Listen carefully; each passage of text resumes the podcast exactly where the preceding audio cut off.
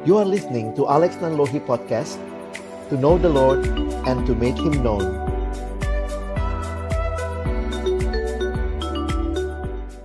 Mari kita tunduk kepala kita berdoa sebelum membaca merenungkan firman-Nya.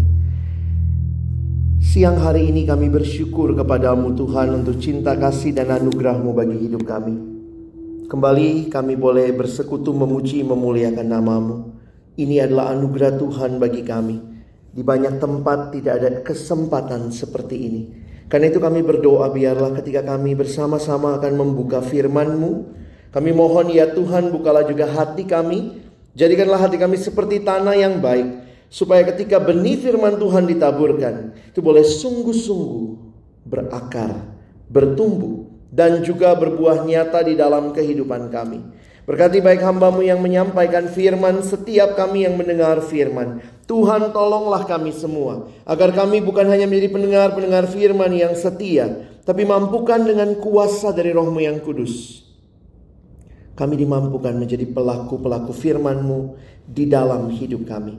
Bersabdalah ya Tuhan, kami umat-Mu sedia mendengarnya dalam satu nama yang kudus, nama yang berkuasa.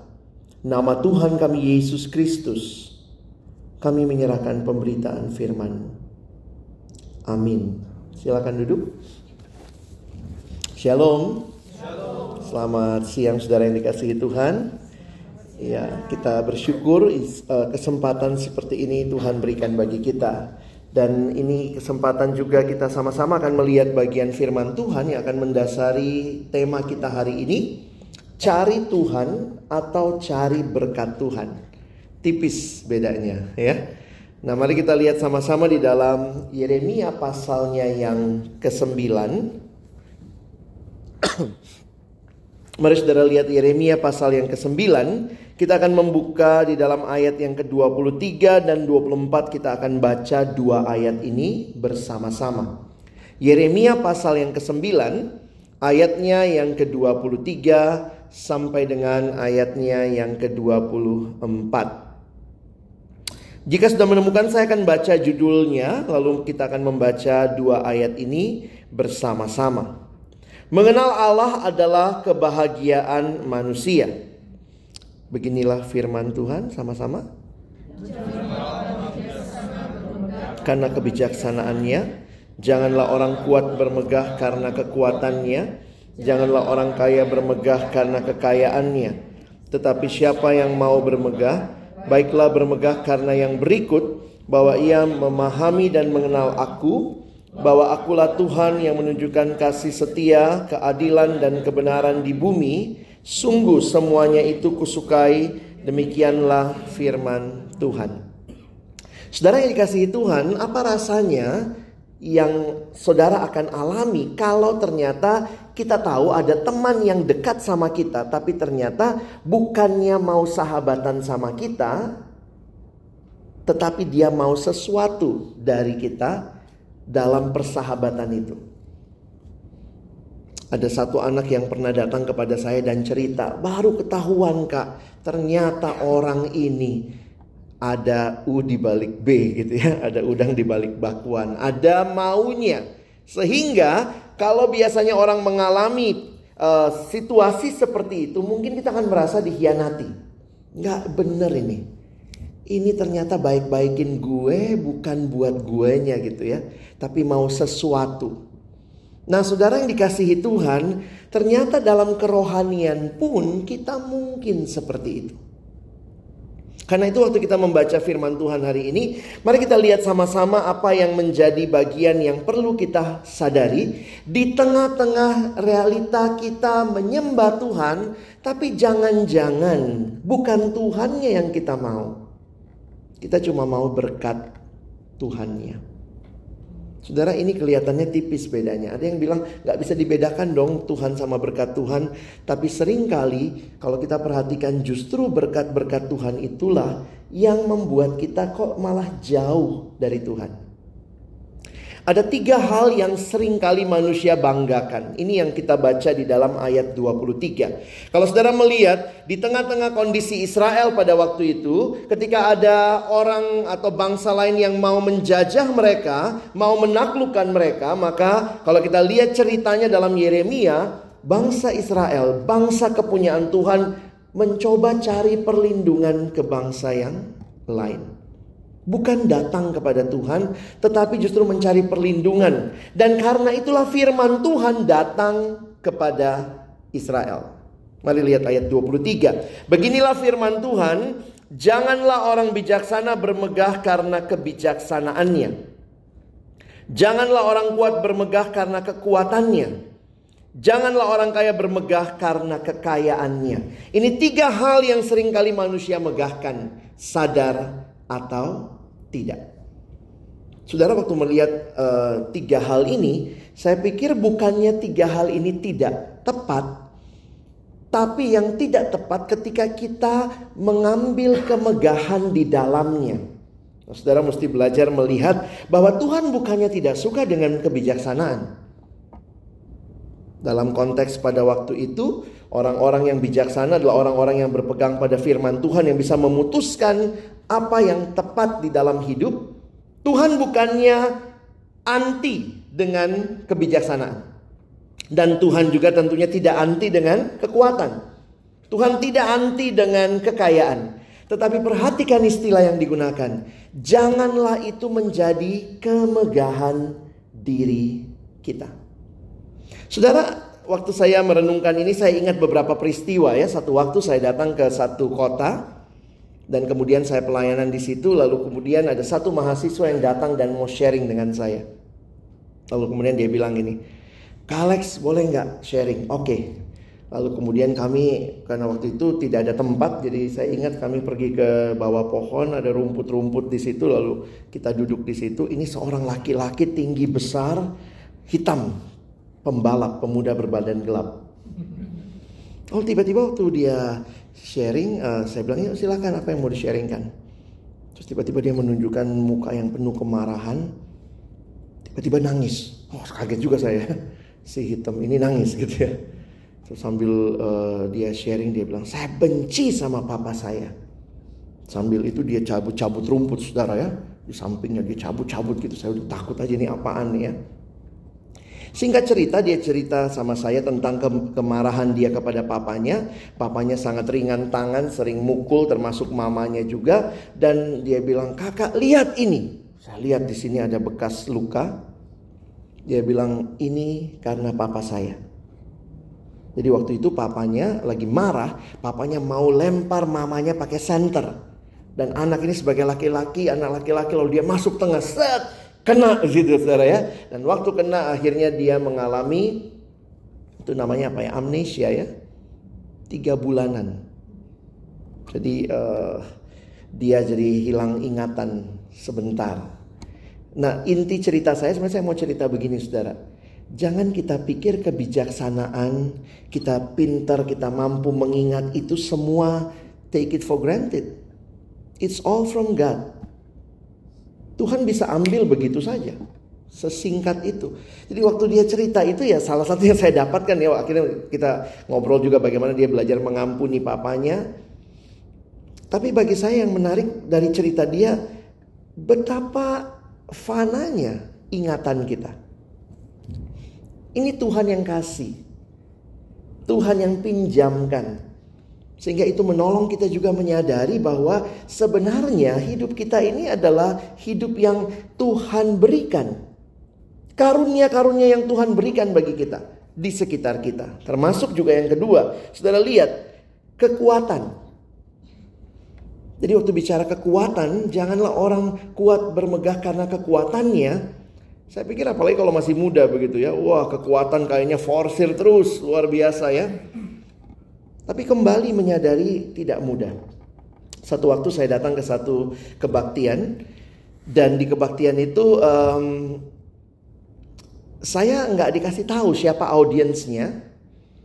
Jadi waktu saya datang begitu, uh, saya kaget ternyata audiensnya opa oma. Jadi itu persekutuan kompleks. Di daerah Lebak Bulus. Lalu biasanya yang datang itu sebenarnya sekompleks diundangin yang yang Kristen gitu ya. Tapi ya namanya di Jakarta anak-anaknya pada kerja jadi yang datang ibadah opa omanya. Dan saya udah siapin pertanyaan pembuka waktu itu. Pertanyaan saya adalah jika Bapak Ibu dikasih kesempatan hidup mau hidup sampai umur berapa gitu ya. Kan kayaknya nggak pas banget nanyanya di situ ya. Tapi ya pembicara ya kita dikasih hikmat sama Tuhan saya ubah gitu ya. Bapak Ibu, saya pernah berpikir jika saya dikasih kesempatan hidup, saya mau hidup sampai umur berapa? Apakah Bapak Ibu pernah memikirkan hal yang sama? Oh, ah, yang lebih sopan ya. Tiba-tiba ada satu bapak tuh ya, saya sudah siap mati. Benar, enam bulan lagi saya ke situ udah nggak ada. Waktu saya kagetnya kenapa? Karena saya dikasih tema waktu itu ambisi. Jadi saya pikir orang muda kan, makanya pertanyaan pembuka saya kalau dikasih hidup mau hidup sampai umur berapa? Eh taunya opa oma. Lalu saya ingat sekali ada satu oma, saya bilang dia oma haleluya. Kenapa? Saya ngomong satu dua kalimat dia haleluya, haleluya dan dia kenceng lagi ngomongnya ya. Jadi ini oma haleluya dan hari itu oma haleluya bersaksi. Dan waktu dia bersaksi, dia bilang, saya sudah 75 tahun. Tapi Tuhan kasih kekuatan. Saya sama cucu saya pergi ke Singapura. Lalu kemudian uh, koper kami ketinggalan. Ya ampun, orang berdua koper tiga. ketinggalan satu. Akhirnya saya jalan lagi sama cucu saya cari. Oh puji Tuhan, Tuhan kasih kekuatan. Tentu kekuatan orang tua sama anak muda beda ya. Tapi waktu saya dengar dia cerita lagi seolah-olah ayat ini juga muncul lagi dalam benak saya. Kekuatan kita seberapa kuat sih? Terbatas kok. Oma itu sekuat-kuatnya pasti nggak pernah juga apa ya keliling GBK tujuh kali gitu ya. Mau game over. Poinnya adalah ini menunjukkan kepada kita bahwa buat kita yang namanya kekuatan itu ada batasnya. Kebijaksanaan ada batasnya. Dan ketika saudara dan saya bermegah dalam hal-hal yang terbatas itu, Tuhan ingatkan, ingat baik-baik, ini bukan kemegahan yang sejati. Perhatikan yang ketiga, kekayaan. Dalam satu peristiwa seorang teman telepon di daerah Rawamangun waktu itu dia telepon dia bilang Kak Alex doain. Kenapa? Tiga rumah dari rumah kami terbakar. Lalu kemudian ya udah kita doain, aduh takut juga. Terus kemudian dia telepon lagi, kak sudah sebelah rumah yang terbakar. Itu hanya kurang lebih setengah jam. Saya bilang cepatlah lari, ambil barang-barang surat-surat yang penting segala macam gitu ya. Dan tidak sampai sejam kemudian gak ada telepon lagi dari dia. Ternyata kita tahu rumahnya habis terbakar juga. Kekayaan itu kemegahan. Kita mungkin memegahkan itu tapi gampang sekali kalau itu mau habis, mau lenyap begitu ya. Dan waktu itu dia katakan, eh, waktu saya telepon lagi gitu, gimana? Kami cuma keluar dengan baju di badan. Karena saking paniknya tidak sempat nyelamatin banyak, yang penting surat-surat semua dibawa. Ini semua mengingatkan kita betapa terbatasnya hal-hal yang saudara dan saya sering kali megahkan. Sebenarnya ini semua mengingatkan kita kalau hal-hal yang terbatas itu yang kita nikmati, tentu Tuhan karuniakan, harusnya hal-hal itu menunjuk kita kepada Tuhan, Sang Pemberi berkat. Berkat Tuhan harusnya menjadi signpost atau road sign yang menunjukkan kita kepada Tuhan Sang Pemberi berkat. Jangan mentok di berkatnya. Tapi ingatlah, Tuhan mau kita bermegah di dalam dia sang pemberi berkat. Saudara lihat di bawahnya ayat 24. Lalu ada kata tetapi. Kalau ada kata tetapi yang penting biasanya yang mana? Sebelum tetapi apa sesudah? Sesudah biasanya ya. Dia cantik, pinter, kaya, tapi udah mati. ya, dengar belakangnya tuh. Tetapi di belakangnya tuh, tetapi siapa yang mau bermegah? Tuhan tidak melarang kita bermegah. Tapi kiranya kita bermegah bukan di dalam berkat Tuhan yang sifatnya terbatas, tetapi di dalam Tuhan, Sang Pemberi berkat, Allah yang tidak terbatas. Saudara, kita perlu punya sikap hati bukan sebagai owner, Sekarang di dalam kepemimpinan banyak sekali eh, buku-buku uh, bicara kepemimpinan yang melayani. Salah satu konsep yang saya suka adalah kita bicara sebagai steward. We are not owner. Jadi apa yang Tuhan berikan kepada kita itu dipinjamkan. Makanya seorang hamba Tuhan bilang, mari belajar menerima segala sesuatu dari Tuhan dengan tangan yang terbuka. Jadi kalau Tuhan satu waktu bilang oke, okay, udah selesai masa pakainya ya, saya ambil lagi. Kita bilang ya, it's all from you, it's all for your glory. Tapi sering kali kita merasa ini milik kita. Sehingga waktu kita terima, kita dengan tangan yang tergenggam. Waktu Tuhan bilang maaf, habis masa pakainya. Tarik-tarikan ini punya saya Tuhan, ini punya saya. Papa saya sudah demensia. Beberapa tahun, satu setengah tahun terakhir cepat sekali gitu ya. Ingatan yang kembali memori waktu dia masih kecil. Di situ saya jadi sadar juga ya, mau sekuat apa ingatan kita? Kekayaan mau sebanyak apa kekayaan kita? Peti mati satu kali satu kali dua kali ya. Nggak bisa masuk juga semua yang kita cari di dunia ini. Di situ jadi mengingatkan kita betapa fananya manusia. Makanya ada yang bilang paling enak sekarang jadi apa? Jadi pembantu katanya. Benar ya? Sorry ya, ART pembantu. Tuan mana, nyonya mana? Lagi pergi cari duit. Di rumah siapa? Pembantu. Nonton kabel, TV, nikmatin semua gitu ya. Bapak Ibu pulang, paling ya nggak sempet nonton-nonton amat sih ya. Nonton juga di HP kok sekarang ya. Punya home theater ya, yang nonton pembantu mungkin. Terus waktu duit banyak beli lagi rumah. Siapa yang tinggal? Pembantu. Jadi pembantu aja. Kadang-kadang ada yang bilang, iya ya apa sih hidup itu? Semua ini Tuhan sedang pinjamkan buat kita. Yang perlu kemudian kita ingat, apakah itu semua mengingatkan kita kepada Tuhan Sang Pemberi berkat. Sehingga ada yang bilang begini, saingan terberatnya Tuhan itu apa sih? Ternyata saingan terberatnya Tuhan salah satu adalah berkatnya sendiri. Karena banyak orang yang sangat menikmati berkat Tuhan tidak kenal Tuhan Sang Pemberi berkat. Dan banyak juga orang Kristen yang datang ke gereja memang tidak cari Tuhan kok. Carinya berkat Tuhan. Apalagi gereja-gereja secara tidak langsung juga menegaskan, menekankan tentang berkat Tuhan. Kalau saudara berikan perpuluhan, berikan persembahan, Tuhan berkati berlipat kali ganda. Itu ke gereja atau investasi?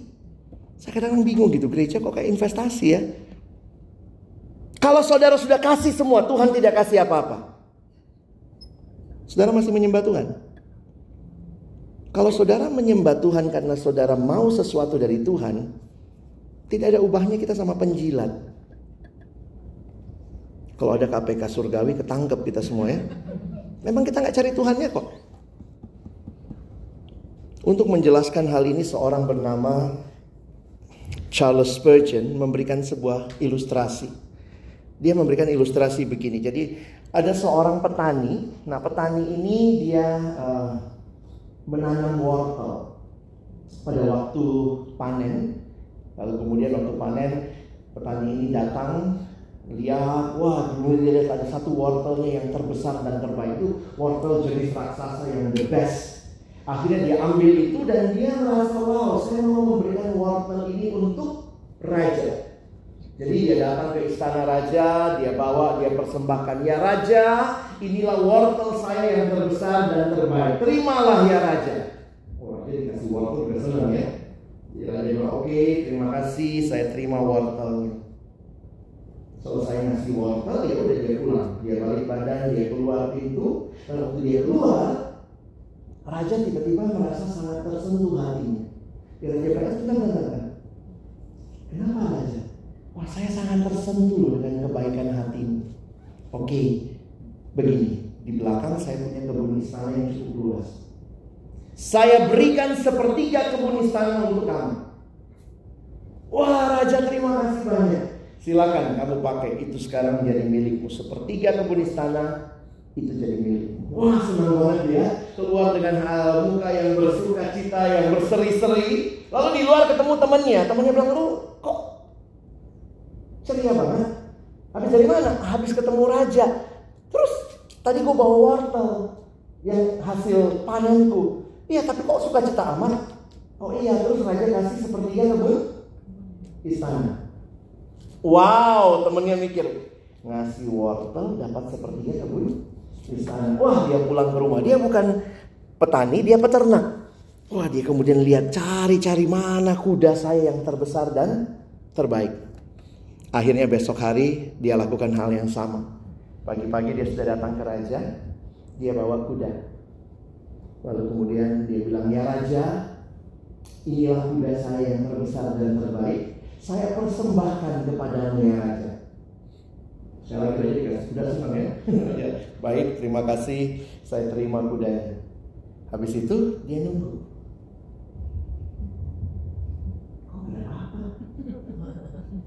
Kemudian raja bilang, kenapa?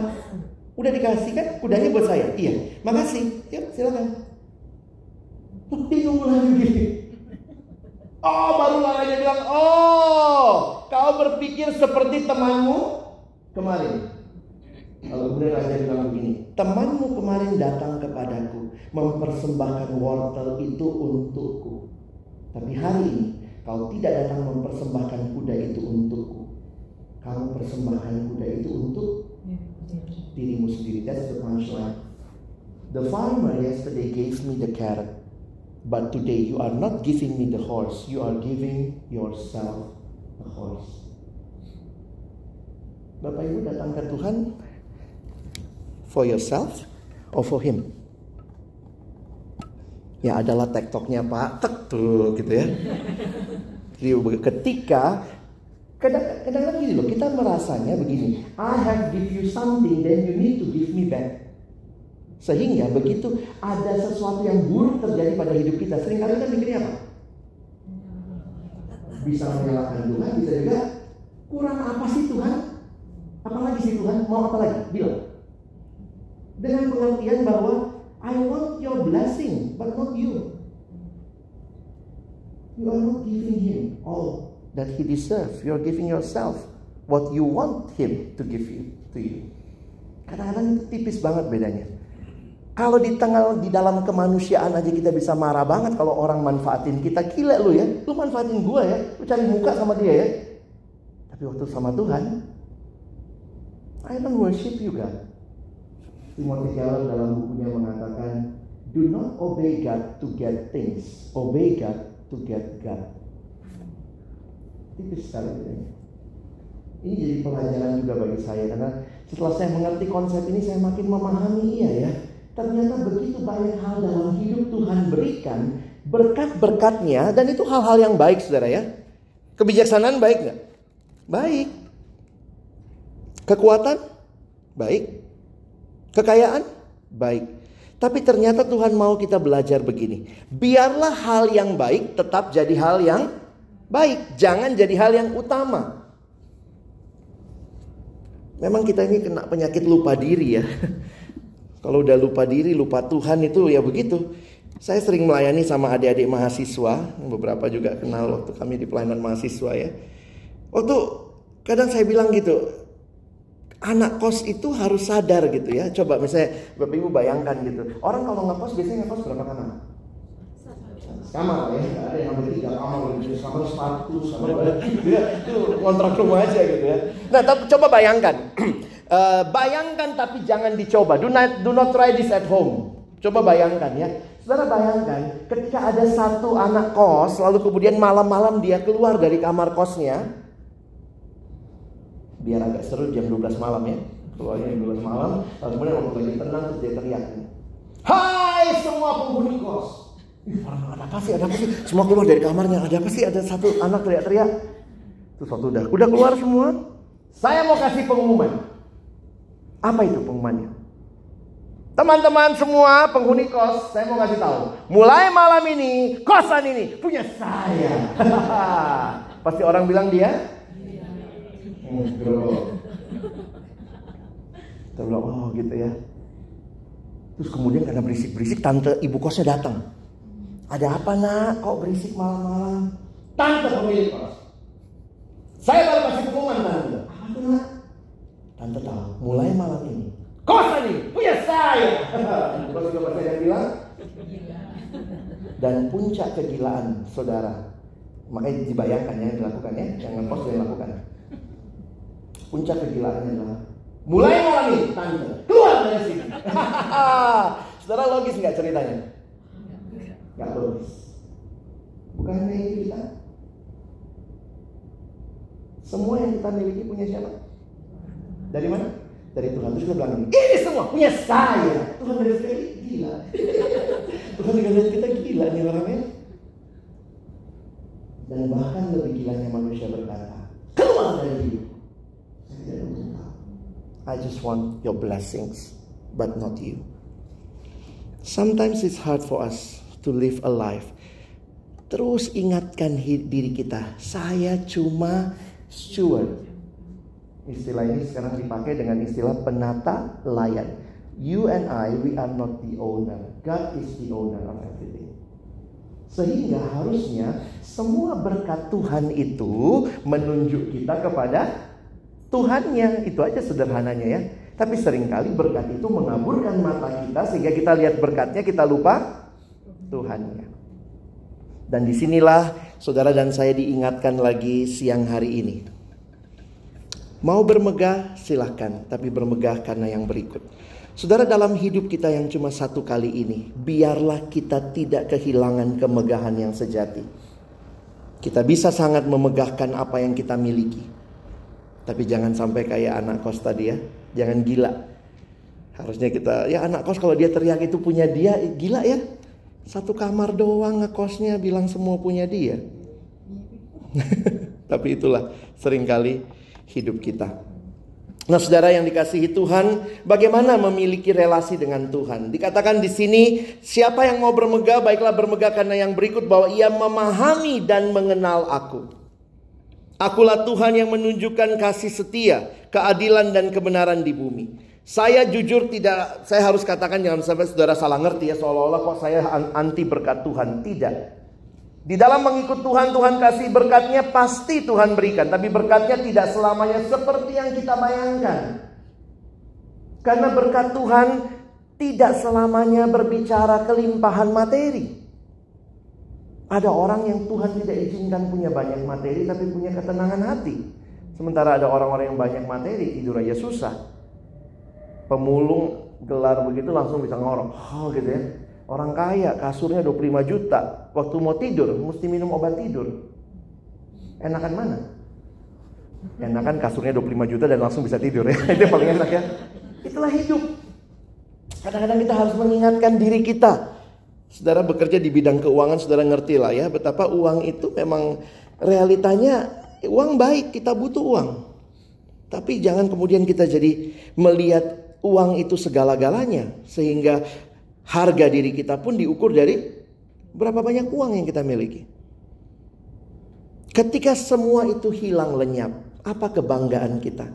Firman Tuhan mengatakan, "Engkau milikku, aku Tuhanmu." Mau bermegah? Bermegahlah karena kau memilikiku, bukan karena memiliki segala sesuatu.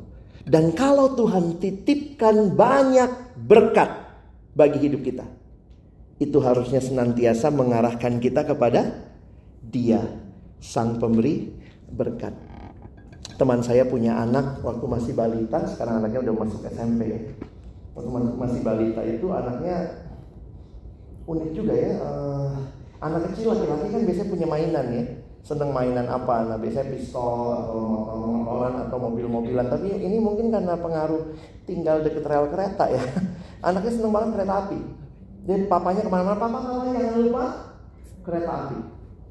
Jadi waktu masih balita gitu ya, kalau papanya lagi tugas pelayanan keluar kota, papanya telepon, nak kangen papa nggak kangen pak, papa jangan lupa kereta api.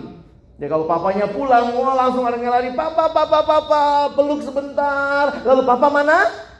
Kereta api. Begitu dapat kereta api,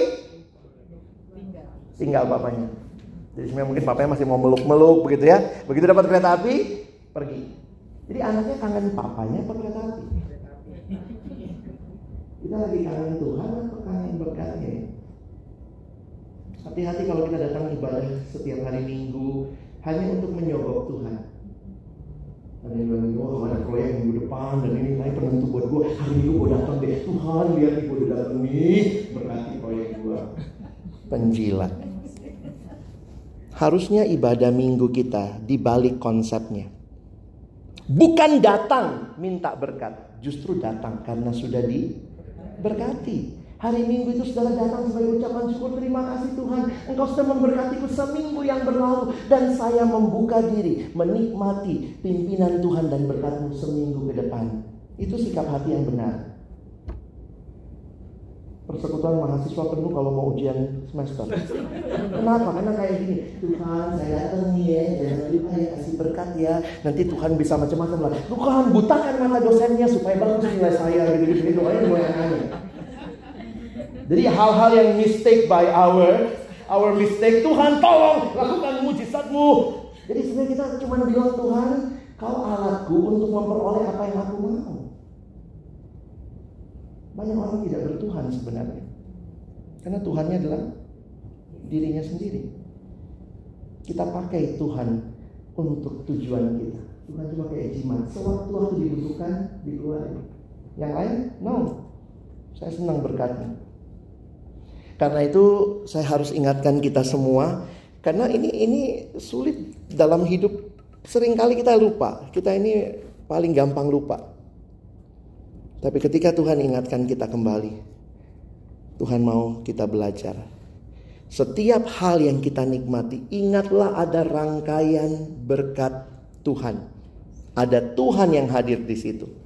Teman saya kasih filosofi ikan teri. Mau coba Bapak Ibu bayangkan, kalau kita makan lalu ada teri gitu ya. Mungkin kalau kita pikir-pikir, teri ini dari mana? Oh tadi saya suruh mbak saya beli di pasar, dia beli uangnya dari saya. Berarti kadang-kadang kita berpikir is I deserve it. Tapi teman saya bilang coba bayangkan teri ya. Teri itu sampai ke meja kita melalui pemeliharaan Tuhan yang luar biasa kan. Berarti waktu Tuhan pelihara teri, berarti Tuhan pelihara juga di laut papa mama teri. Makanya ada anaknya. Lalu ditangkap sama nelayan. Tuhan pelihara nelayan itu dan papa mamanya. Terus kemudian ada yang buat perahu. Yang buat perahu itu Tuhan pelihara pembuat perahu dan papa mamanya. Lalu kemudian pakai jaring ditangkap. Oh Tuhan mem memelihara pembuat jaring dan papa mamanya. Silakan terusin sendiri.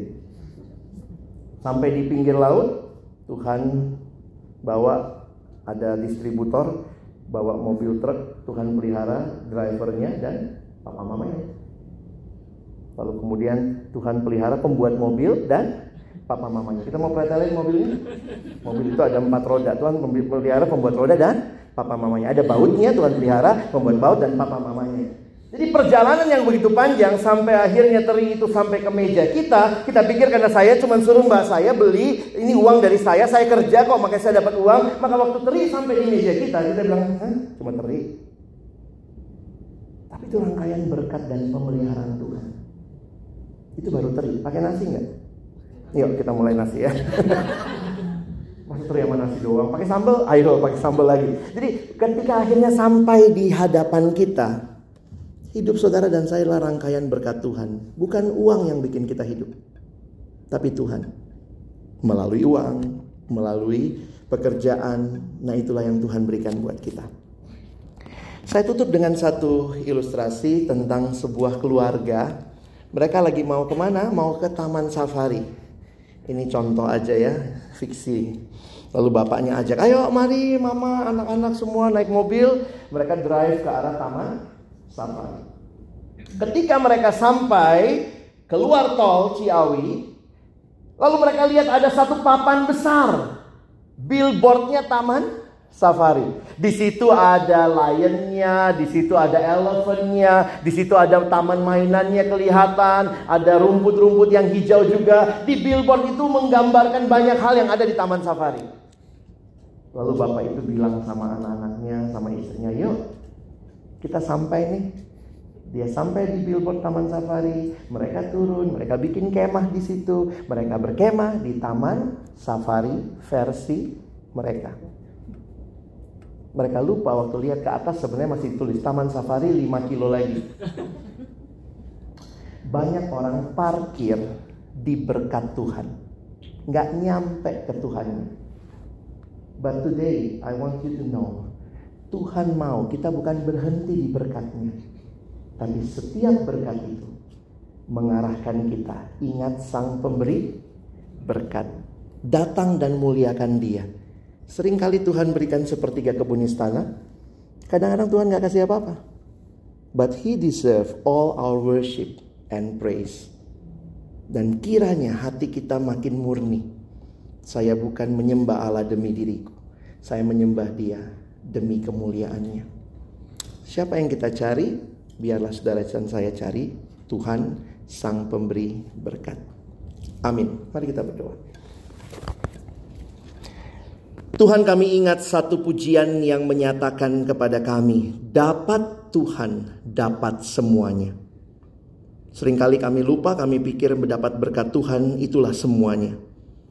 Tapi ketika berkat itu hilang karena sifatnya terbatas dan sementara, kami pun diingatkan, kami milik Tuhan. Tuhan ada bersama-sama kami. Dan engkaulah berkat terbesar sebenarnya di dalam hidup kami. Kehadiranmu sendiri. Tolong kami tidak parkir, tidak berkemah di berkat-berkat Tuhan saja. Tapi setiap berkat itu mengingatkan kami ada sang pemberi berkat yang harus kami muliakan tinggikan karena engkau sungguh luar biasa dalam hidup kami. Hamba berdoa bagi Bapak Ibu, saudara-saudaraku di tempat ini, di tengah-tengah pergumulan kehidupan, melewati berbagai hal, biarlah terus kami mengingat, mengingat Engkau, Tuhan, Sang Pemberi Berkat. Kemegahan kami yang sejati, bukan di dalam hal-hal yang sementara, tetapi, tetapi di dalam dirimu ya Tuhan, pribadi Allah yang tidak terbatas, yang kekal, yang menjadi pemilik, pencipta hidup kami. Kami bersyukur dalam nama Yesus kami berdoa. Amin.